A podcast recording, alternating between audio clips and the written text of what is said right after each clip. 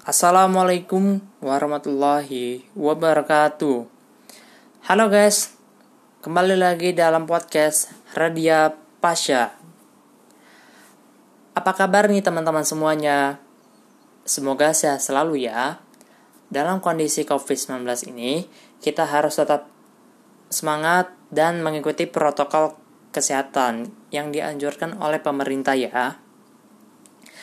Dalam podcast kali ini, saya ingin memberikan ilmu atau informasi kepada kalian semua tentang isi perjanjian Linggarjati.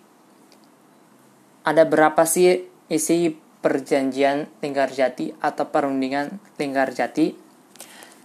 Yang pertama, Belanda mengakui secara de facto Republik Indonesia dengan wilayah kekuasaan yang meliputi satu Sumatera, dua Jawa, dan yang terakhir Madura. Yang kedua, Belanda sudah harus meninggalkan daerah de facto paling lambat tanggal 1 Januari 1949. Yang ketiga, Republik Indonesia dan Belanda akan bekerja sama dalam membentuk negara Indonesia Serikat dengan nama Republik Indonesia Serikat atau RIS. Yang salah satu negara bagiannya adalah Republik Indonesia atau RI. Yang keempat, RIS dan Belanda akan membentuk Uni Indonesia Belanda dengan Ratu Belanda selaku ketuanya.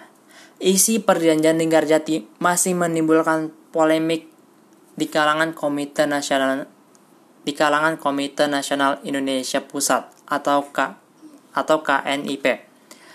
Hal tersebut menyebabkan penanda hal tersebut dapat menyebabkan penanda tanganan perjanjian Linggarjati baru terlaksana pada tanggal 25 Maret 1940, 1947 di sorry.